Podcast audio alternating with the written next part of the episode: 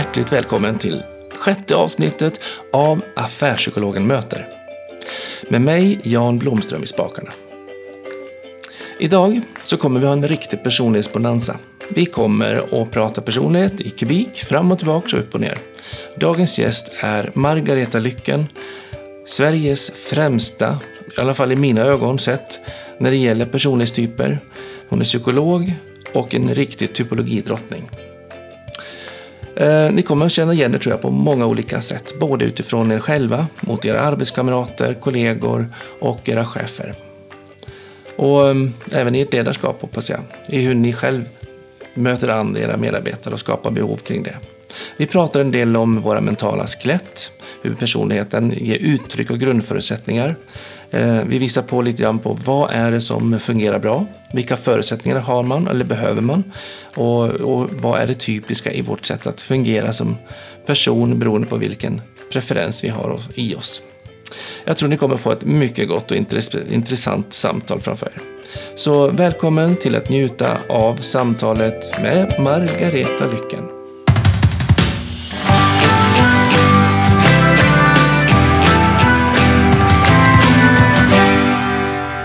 Ja, hjärtligt välkommen till podden Affärspsykologen möter, kära Margareta Lycken. Ja, tack så mycket. Ja, vad trevligt att vi fick till det här. Ja, verkligen. Du är psykolog och du är mm. Sveriges typologidrottning, kallar jag dig för. Kan det stämma? Hoppsan. Det vet jag inte. Lite så diskret och lite försiktigt i framkant. Ja, ja lite sådär kanske. ja, vi, får, vi får lyssna in. För temat idag kommer ju vara lite grann kring typer, personlighetstyper, typologi och, och lite hur vi kan tänka och resonera kring det. Mm.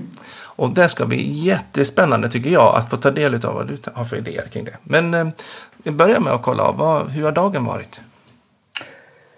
Den har varit bra. Jag har äntligen planterat om små tomatplantor som hamnade fel. Så nu står de rätt och under ljus. Okej. Okay. Så det är bra. Ja. Mm. Så de eh, lovar gott inför stor skörd här när sommaren kommer? Det hoppas jag verkligen. Jag hade tänkt att nu när det var mars så skulle man kunna sitta ute. Jag bor ju på Gotland och eh, då, då är det ju lite mildare väder än, än inne på inlandet och uppåt. Så att jag tänkte vi kunde sitta ute och dricka lite kaffe och sånt där när det är mars. Mm. Och det har varit en riktigt grå, dassigt väder här idag. Så att det är ingen kaffeväder ute i alla fall än. Nej, nej, det är samma här. Ja. Men du är psykolog ja. eh, i din profession. Eh, och då är jag lite nyfiken på vem är Margareta Lycken och hur kom det sig att du blev psykolog? Um, jag tillhör de personlighetstyper som har svårt att bestämma mig.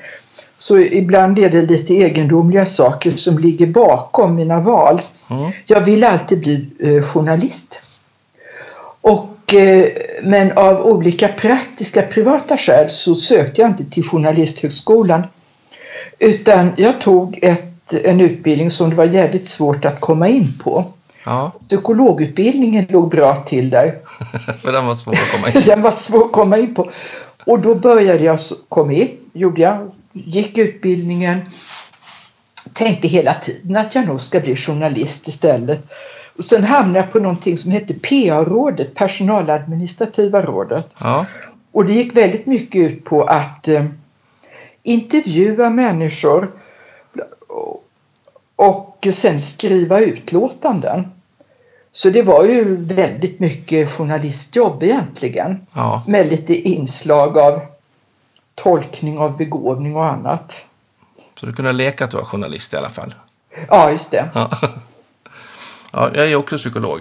Eh, jag har faktiskt inte sett mig som journalist kanske i kontakterna, men jag kanske är det nu när jag har podd, för då kan jag vara radioreporter i alla fall. Ja, just det. Ja. Jaha, så då blev du psykolog. Och hur har du jobbat vidare i den rollen? Från PA-rådet och framåt då? Jag började jobba 71, alltså det är drygt 45 år sedan. Ja. Och eh, jag jobbade på PA-rådet ända tills vi blev förstatligade 1980. Och då gick jag in i, eller började jobba i AMI-organisationen ja. som var en del av Arbetsmarknadsverket. Så det var någon slags fortsättning med rehabilitering och yrkesval. Mm. Sen gjorde jag en liten tur. På två år så jobbade jag inom psykiatrin.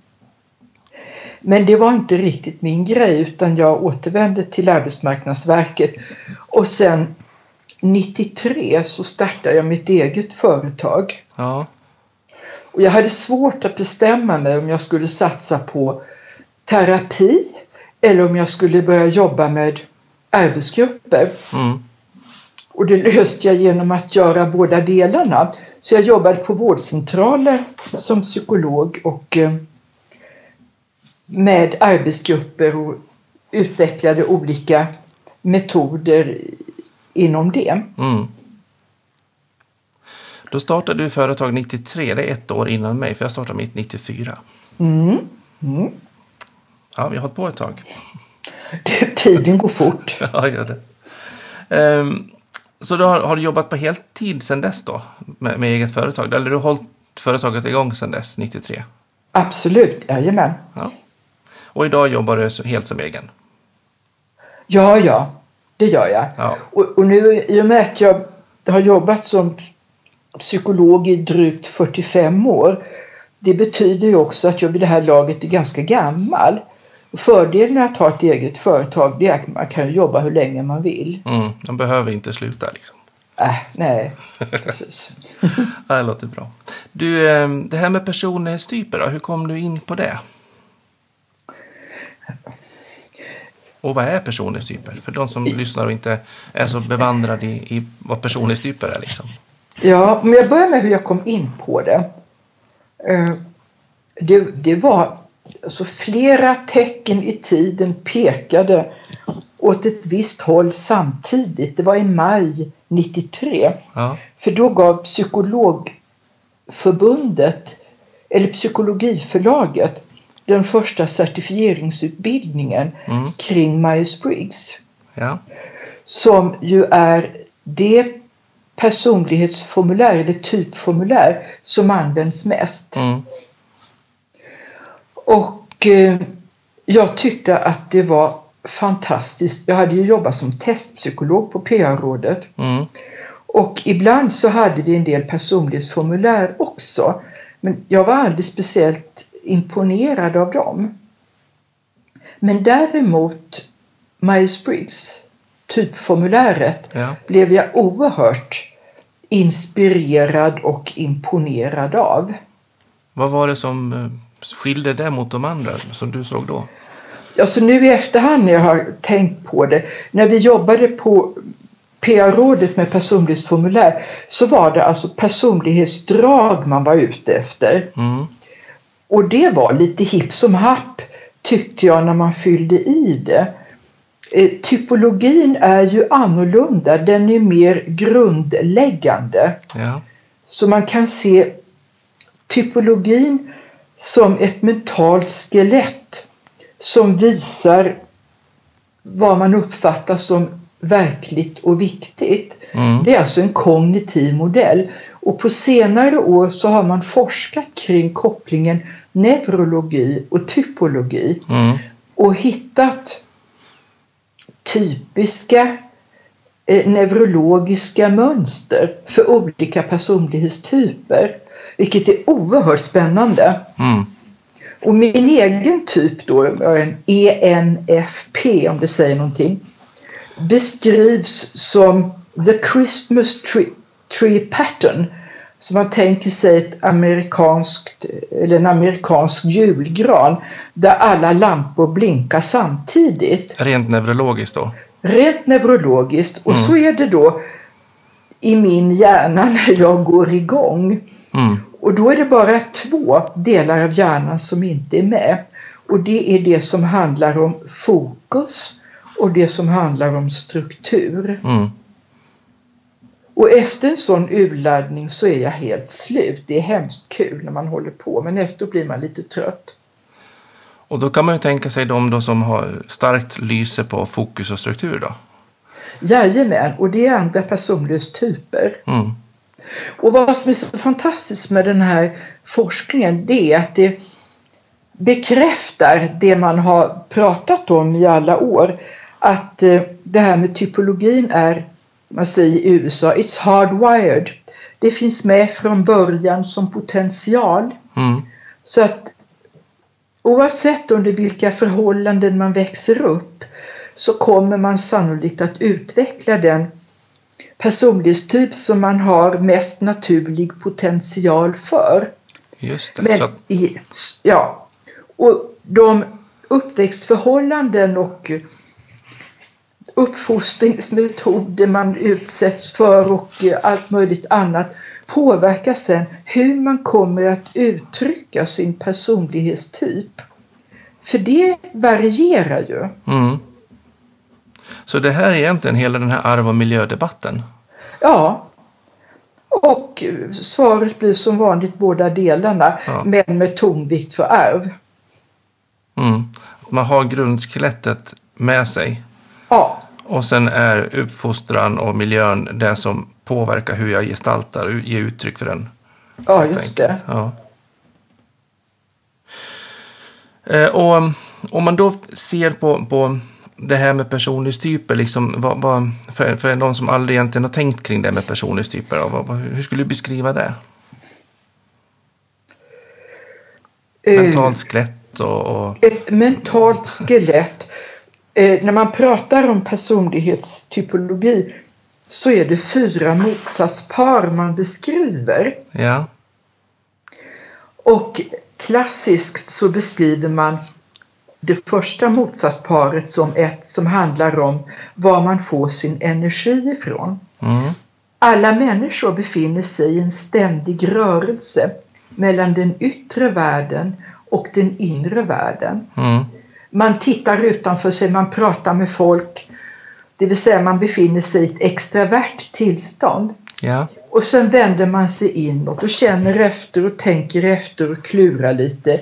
Då går man in i ett introvert tillstånd. Så det gör vi. Alla människor rör sig i den dansen. mm, Men för vissa av oss så faller sig det extraverta mer naturligt. Vi får vår energi därifrån.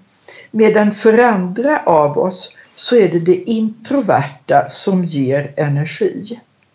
Och när man då är i den delen, den världen som inte är min naturliga, så då tar det energi. Ja, ja, ja visst. Jag har träffat en hel del patienter eh, som har gått i väggen och för vissa av dem så har det varit väldigt tydligt att det har varit introverta personer som inte har begripit att de har varit det utan de har bitit ihop för att vara hyggliga och omgivningen har inte begripit ett dugg utan de har avkrävt dem extraverta aktiviteter på ett sätt som har gjort att de till slut har blivit sjuka. Mm. För det där lär man ju ha lite koll på, men, låter det som.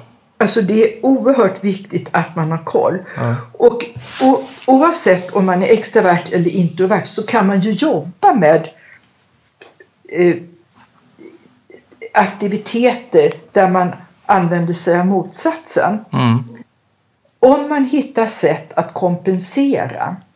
Hur kan man göra det?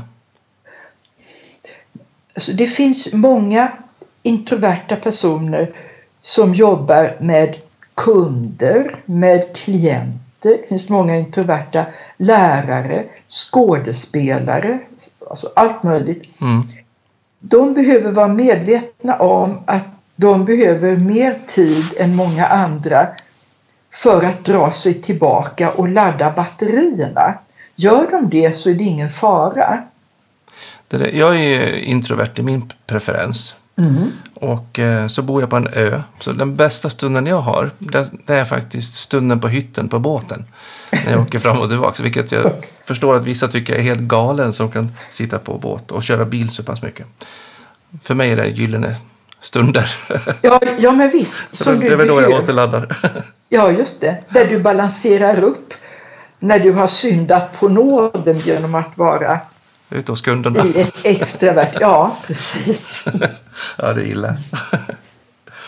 Eh, Så extrovert introvert är en sån dimension. Eh, Det är den första. Ja.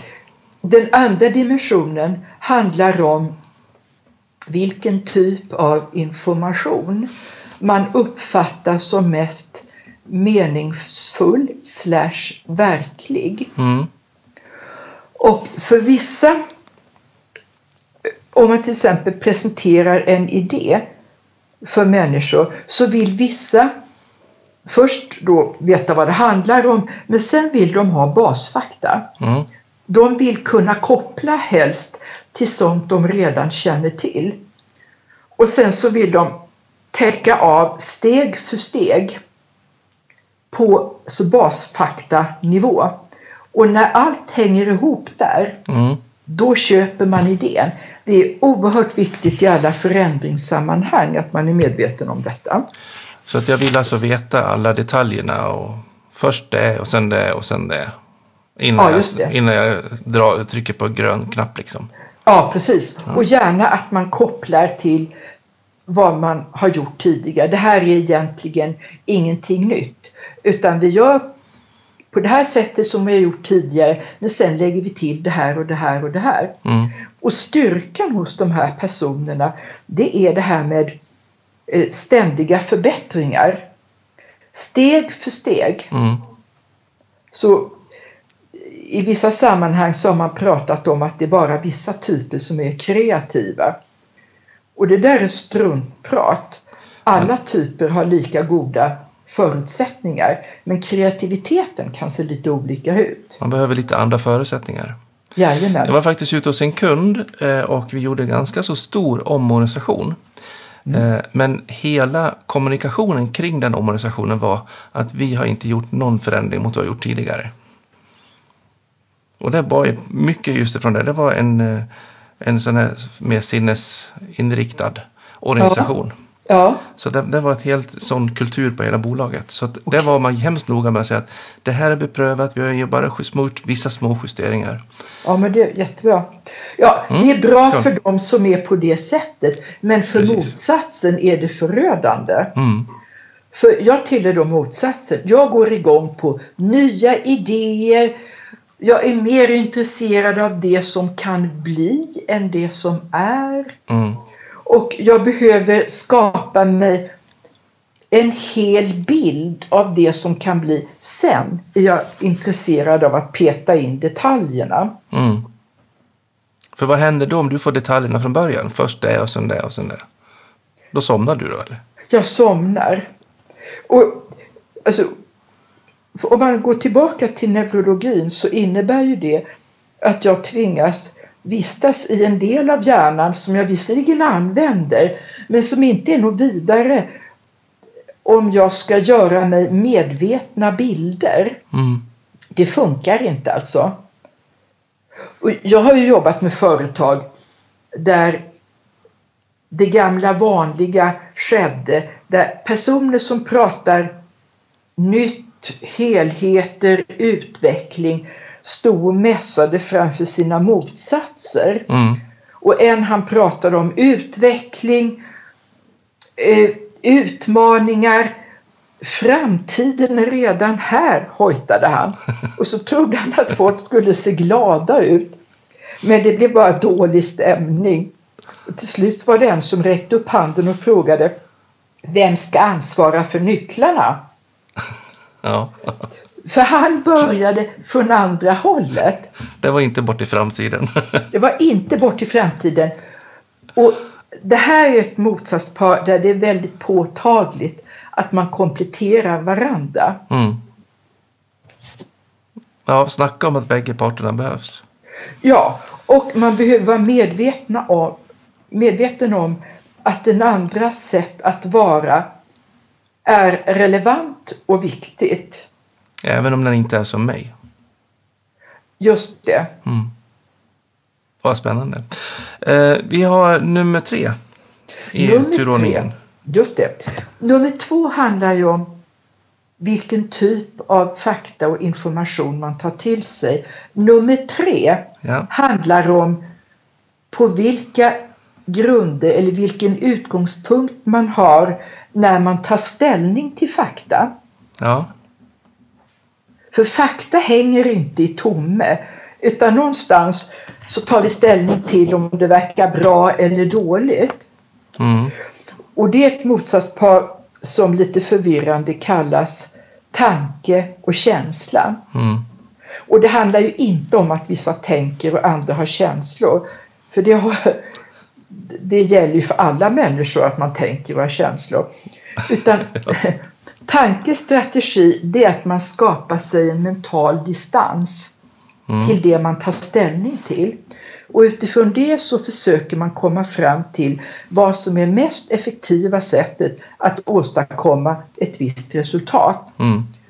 Man kan säga att man är uppgiftsorienterad. Okej. Mm. Känsla är lika logiskt men utgångspunkten är annorlunda. Istället för att skapa distans så lever man sig in i, identifierar sig med och utifrån vad som uppstår i den processen så kommer man fram till vad som är bra för människor, rent logiskt. Och vad som stämmer överens med ens värderingar, alltså vad som är viktigt. Just det.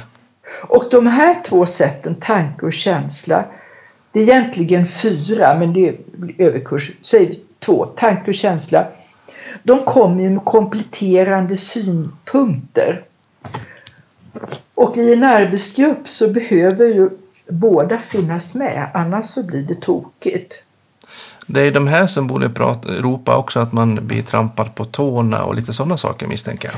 Alltså detta, tanke och känsla är det motsatspar eh, som ligger bakom de allra flesta konflikter som jag har träffat när jag har varit ute i arbetsgrupper. Mm. Man missuppfattar varandras intentioner. Just det.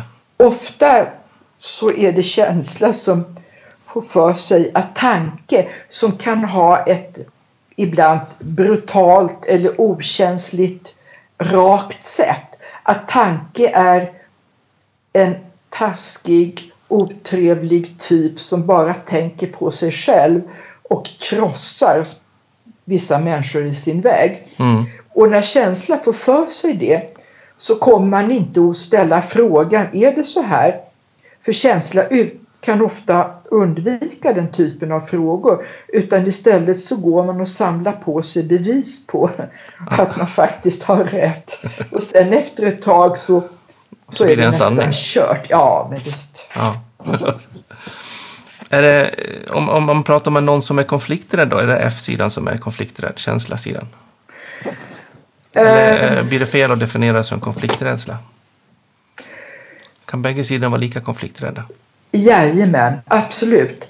Det, det brukar ta längre tid för tanke att upptäcka att det är en konflikt.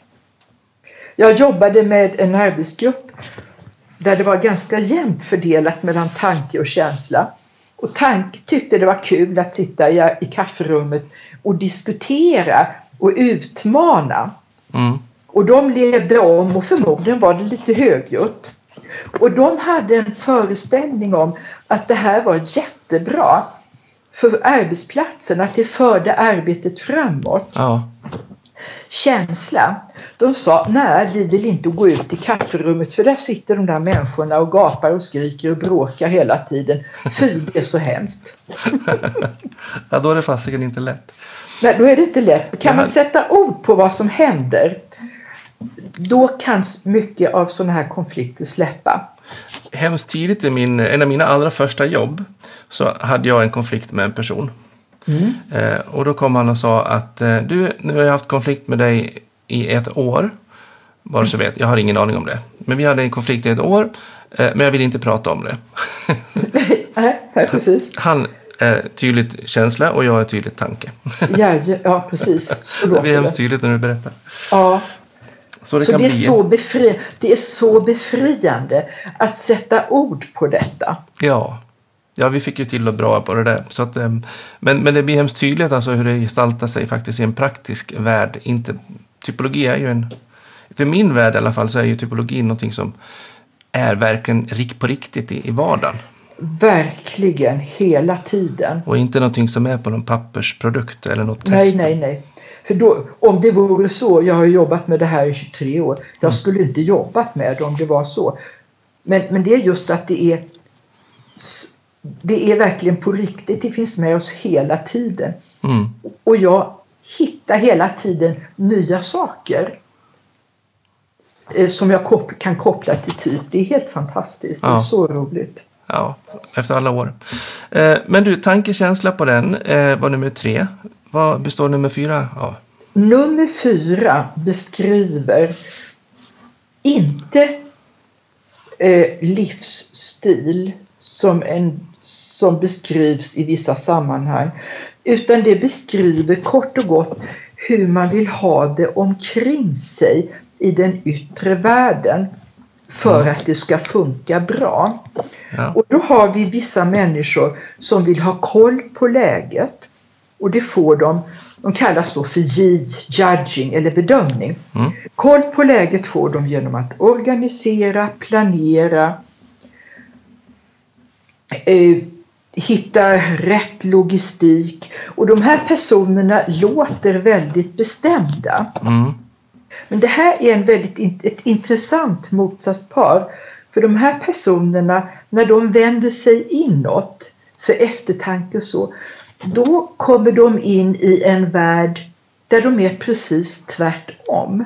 Okej. Så om omvärlden uppfattar dem som bestämda och kanske stelbenta och väldigt beslutsfähiga Mm. så är de i sitt inre flexibla, de vrider och vänder. Mm. Och det är oerhört viktigt att de är medvetna om det.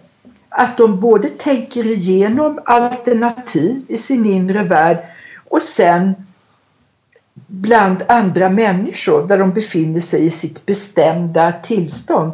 Att de då säger det här tycker jag, nu gör vi så här, nu sätter vi igång. Mm. Och den andra delen i motsatsparet P, perception, tar saker som de kommer, vill kunna improvisera, vill vara fri till skillnad från att sitta låst i en massa strukturer och sånt. Mm. Och de, när, man, när de sitter på ett möte, då är det de som vill dra upp olika alternativ. De vill kanske skjuta på beslut. Och de kan verka som vimsiga och röriga. Dessutom har de problem med sin tidsuppfattning. Ofta har de ingen tidsuppfattning alls. För tidsuppfattning hör i en plan och struktur, Ja, tänker jag. just Som, det. ja. Jajamän. Sen, men då, när de här människorna då som kan verka lite virriga på ytan, när de kommer in på sin kammare och vänder sig inåt för eftertanke, Mm. då kommer de in i sitt bedömande tillstånd. Det är då de vet precis var de står, precis hur det ska vara. Och när de har bestämt sig så är de mycket mer hårdnackade och envisa än vad de som är bestämda på ytan är. Just det. Så detta är oerhört fascinerande. Så man ska passa sig för att fastna i schabloner om att J passar tider och de är bra på beslut och P kommer alltid för sent och de kan inte bestämma sig för någonting. Så är det inte. För det är mer bara den yttre världen som man kanske kan se de tendenserna. Men går man Ja, i, ja kommer den där absolut. in, inre världen som vänder upp och ner på begreppen helt enkelt. Ja, just det. Så om jag ska ha en, eh, säg en föreläsningsdag, då sätter jag mig i sista minuten kvällen innan med papper och penna och sen skriver jag upp punkt 1, punkt 2, alltså oerhört strukturerat. Mm. Och om någon bokstav i den här listan blir fel, då river jag sönder pappret och börjar från början. Jag är totalt alltså insnöad på struktur. Sen jag står framför gruppen och är utåtriktad per definition, Ja, då släpper jag ju allt det där. Men det finns ju någonstans i bakhuvudet ändå. så där behöver du inte följa den här detaljerade planen. Nej, gud nej. Oh nej. Det gör jag inte. Åh, vad spännande. Det här är ju någonting, jag tänker på alla chefer och sånt där. Hur, hur, hur ska man ha koll på sina medarbetare? Och Alltså, hur ska det- man som teammedlem förstå vad som händer? Ja. Som chef så är det absolut viktigast att man vet vem man själv är. I chefsrollen så, ställer det, så ställs det alla möjliga krav på en. Mm. Så om man skulle skriva upp kraven och sätta typbokstäver på de olika kraven så skulle man upptäcka att man är, för att citera en prins, all over the place. Och, eh, och det betyder att vissa aktiviteter man ägnar sig åt stämmer väl överens med den man är och det man gör naturligt. Andra aktiviteter stämmer inte väl överens men där kan man träna upp sig. Mm. Men det är viktigt att veta när eh, man är ute på andra planhalvor. Jag har tagit fram ett kompletterande material till mitt typformulär. Mm. Jag har slutat med Myers-Briggs sedan några år tillbaka och har nu mitt eget som heter Rebus typformulär. Mm. Och sen har jag tagit fram ett teamrollsmaterial som består av åtta kort. Eh, där varje kort beskriver Men när du pratar om, om rebus, då, då motsvarar det att när, man, när andra pratar om MyBricks? Ja, kan man säga. Ja, just det. Så Det att det finns, blir ju, tydligt ut i. ja, det finns ju JTI också här i Sverige. Mm. Eh, jo, vart och ett av de här åtta korten beskriver aktiviteter det. som motsvarar en styrka som man kan ha då som typ. Mm. Och jag brukar göra så att jag låter mina klienter sortera korten utifrån hur de fördelar sin tid. Mm. Och sen kan man jämföra det med vilka de är som typer och se graden av överensstämmelse. Så då blir det teamrollerna att visa på vad jag faktiskt gör. Men Mm. min typbeskrivning den visar på mer vem jag egentligen då är. Kan man säga så? Ja, så kan man verkligen säga. Mm. Och som chef behöver man vara medveten om att man har sina styrkor som man gärna ramlar in i, framförallt under lite press. Under lite press så blir man värre än vanligt och då tar man till det man vet funkar. Mm. Men bakom varje styrka så finns ju medaljens baksida, ens blinda fläckar. Mm. Och eh, vill man utvecklas som chef så behöver man identifiera dem och sen hitta aktiviteter där man tränar. Mm. På de här mörkdolda fläckarna.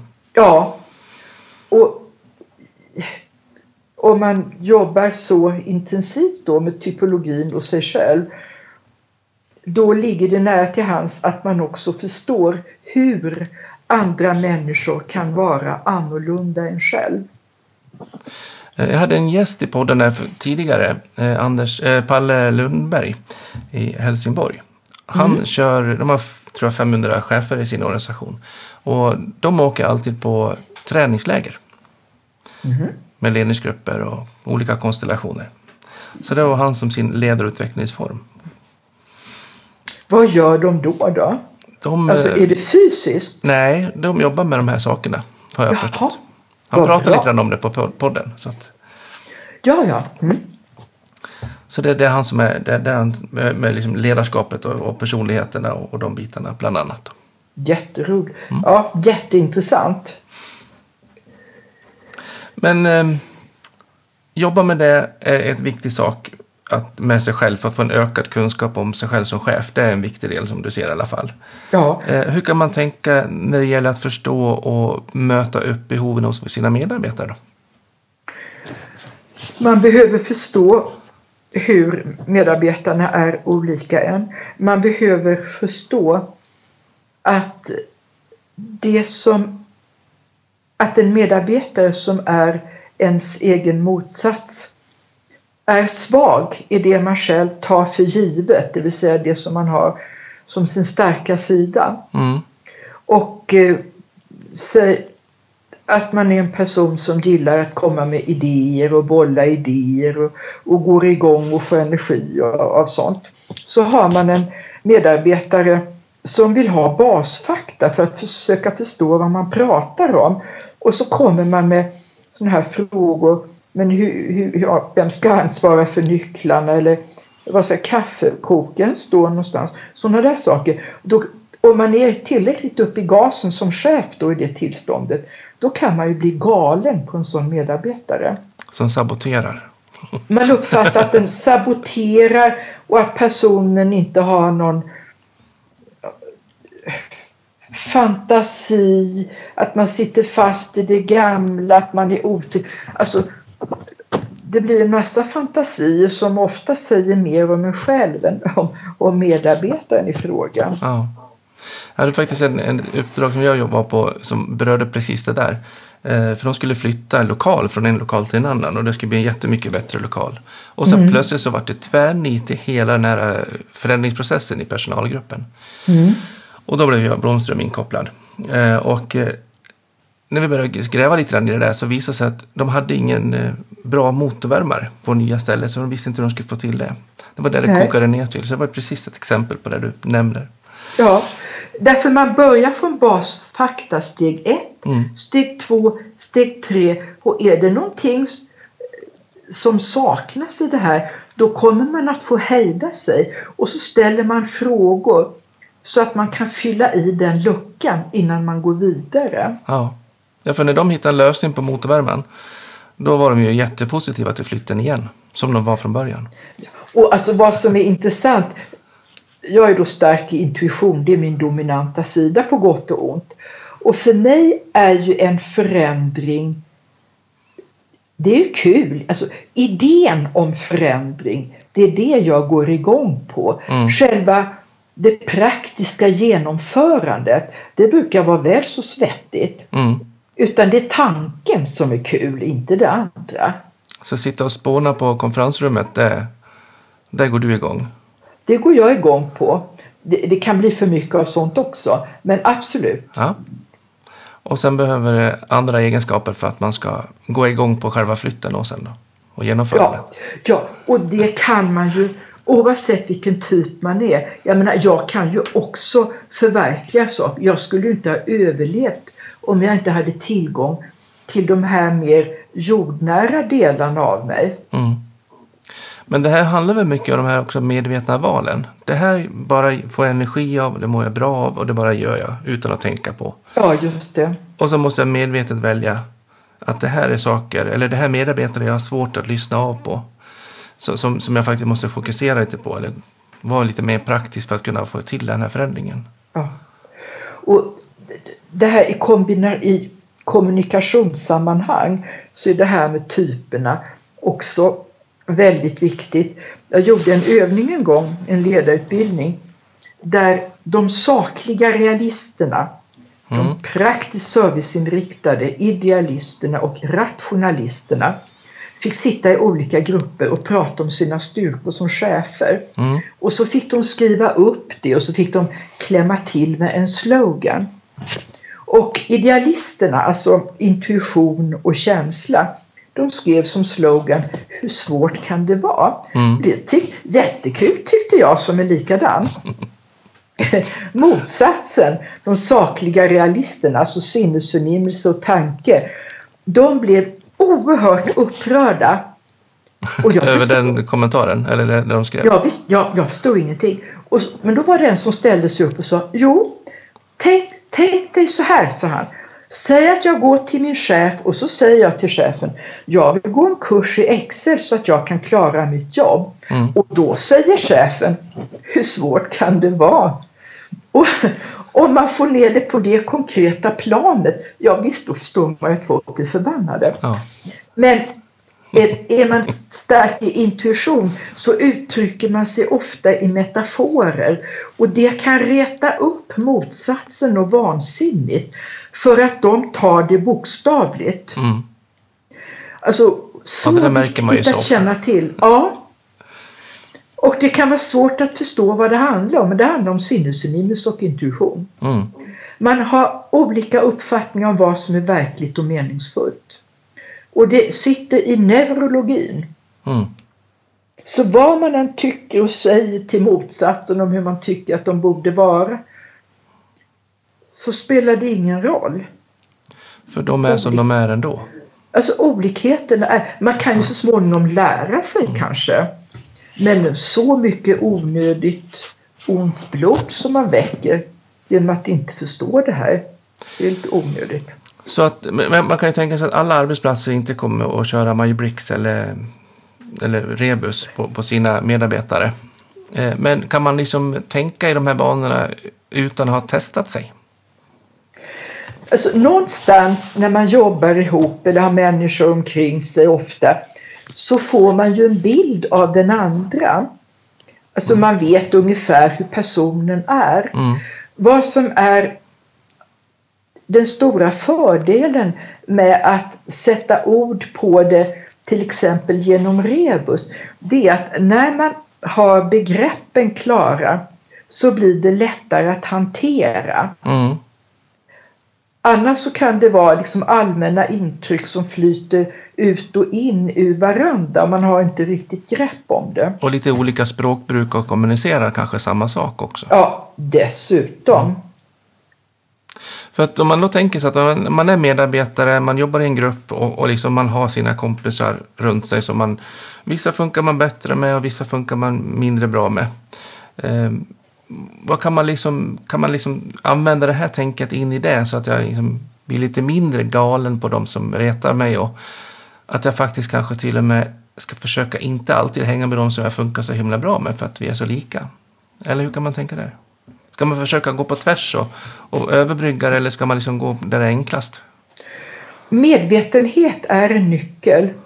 Jag känner två tjejer som jobbade, de delade på föreståndarskapet på en vårdavdelning på ett sjukhus. Mm. Och de var varandras motsatser. De hade inte gjort eh, rebus tidigare.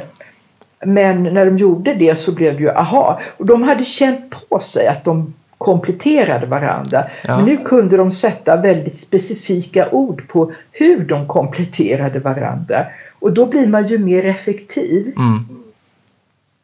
Eh, när jag träffar arbetsgrupper då har, de, då har de fyllt i rebus och så pratar jag igenom och sen när de vet vilka de är då får de sitta i grupper. Återigen i grupper ST, alltså sakliga realister, praktiskt mm. serviceinriktade idealister och rationalister. Och så får de prata om hur vill vi ha det på jobbet att vi ska trivas och det ska fungera bra. Mm. Och det blir så vansinnigt bra. För de tar fram det som är viktigt, det de behöver.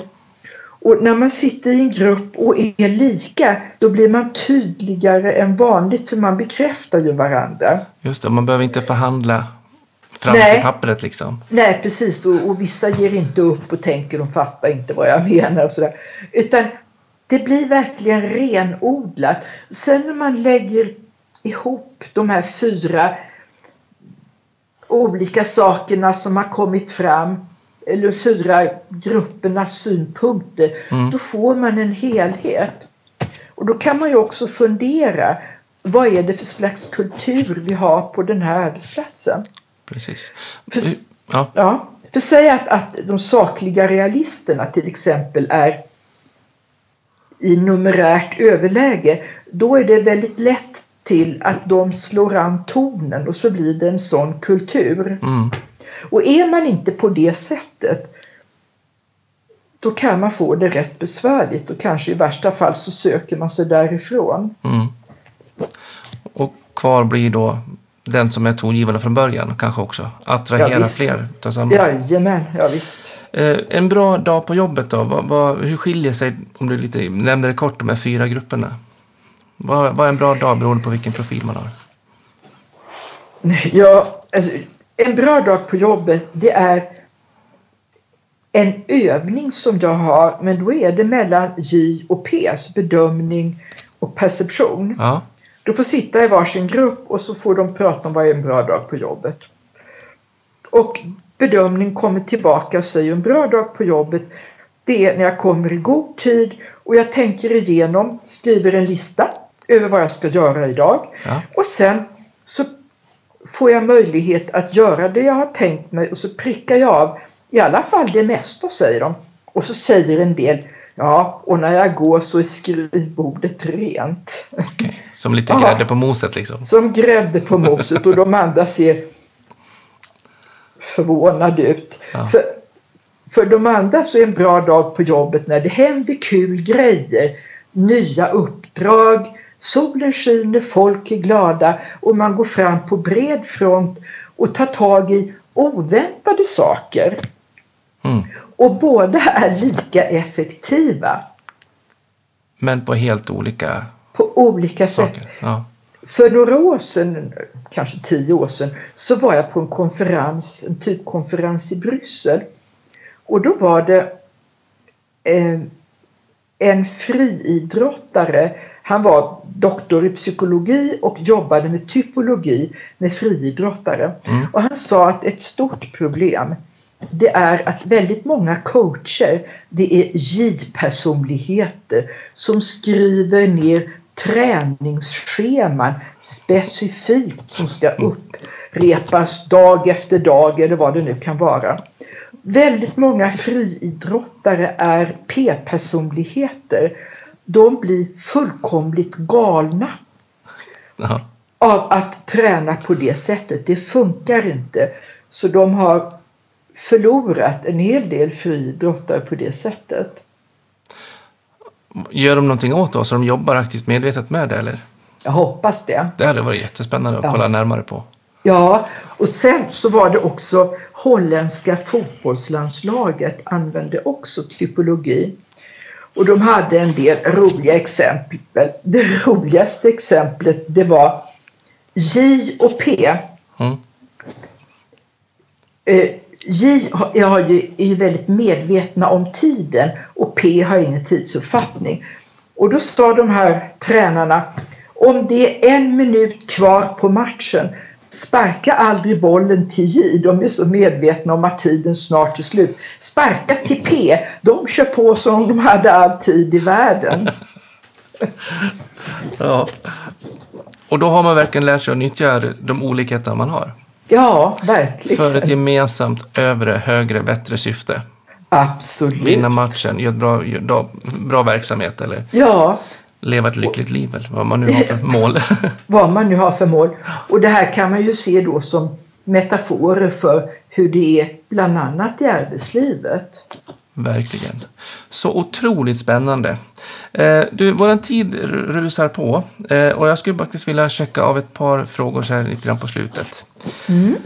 Och eh, då vill jag lite, första är om du har något riktigt bra framgångstips för att få förändringsarbeten att bli så där riktigt, riktigt lyckade. Det vad är det bästa? Alltså det, det bästa är att man är medveten om eh, att om du har en personlighetsprofil med S och J då är ens utgångspunkt det förflutna. Mm. Så för att få med dem på förändringen så behöver man möta dem där. Till exempel, det här är egentligen ingenting nytt utan vi gör som tidigare så lägger vi till det här. Då mm. har man mött dem. Ja. Och så kan man då fylla upp alla luckor i skildringen. Om man har en person SP då ska, ser man se till då, då ser man till att man inte pratar för mycket där man säger det här ska vi åstadkomma och så säger man nu kör vi. Då ja. går de igång. Ja. Om man har NP, en sån som jag till exempel, jag har ja. ingen tidsuppfattning alls. Jag vill vara med och bolla idéer. Och om någonting visar sig inte fungera då kommer jag på kanske tiotal olika förslag på hur man skulle kunna göra istället. Ja. Och sen har vi NJ.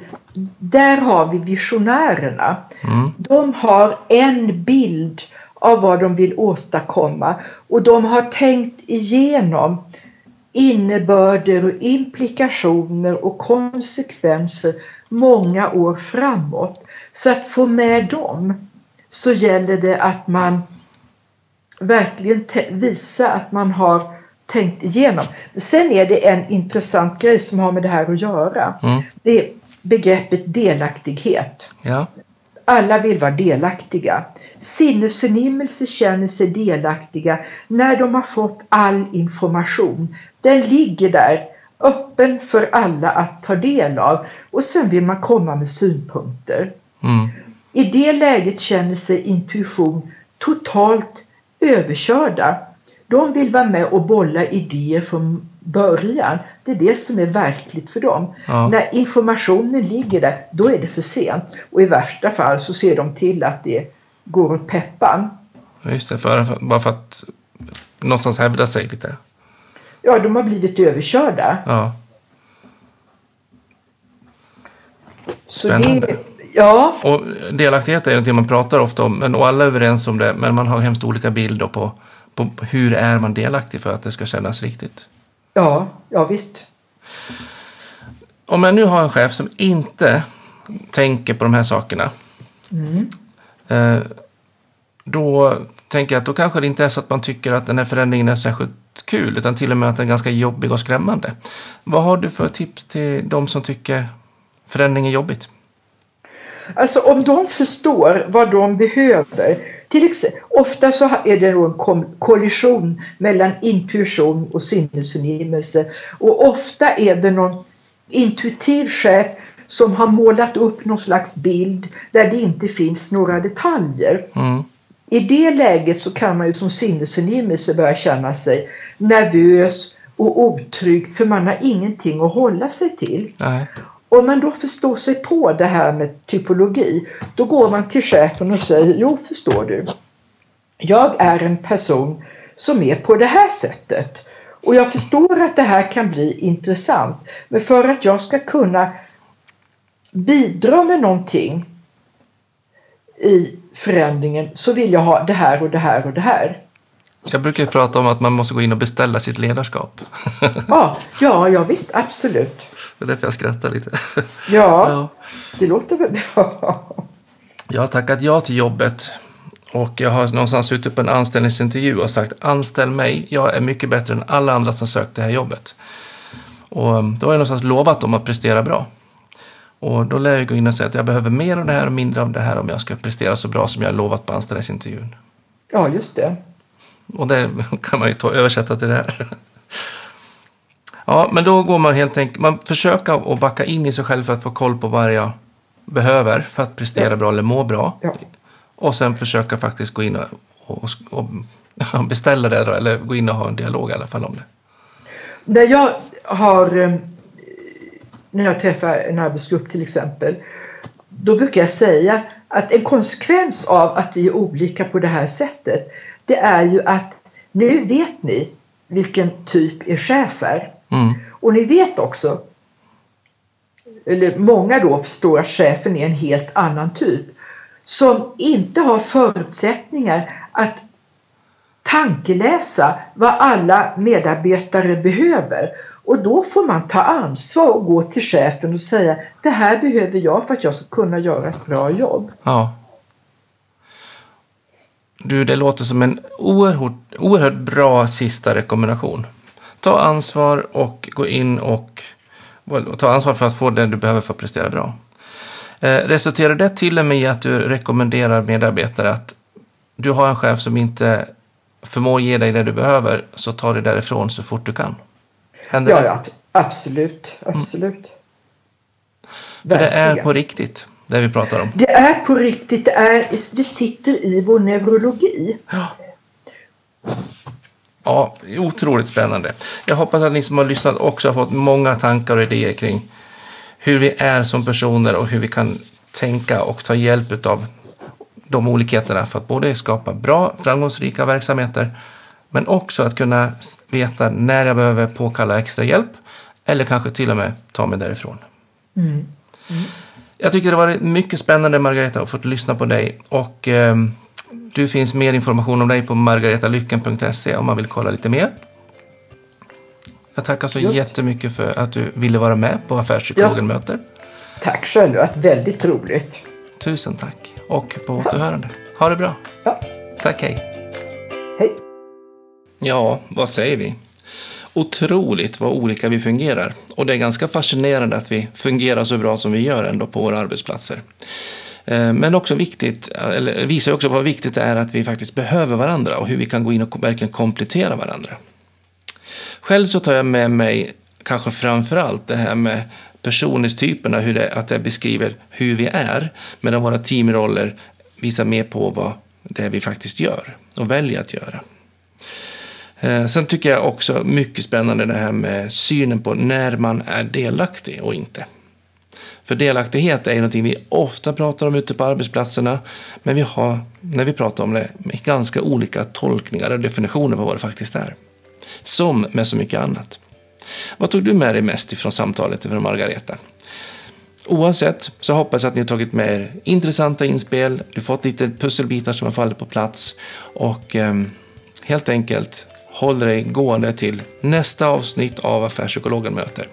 Tusen tack för att du har lyssnat och eh, följ oss på Facebook, Twitter och så vidare så hörs vi snart här igen.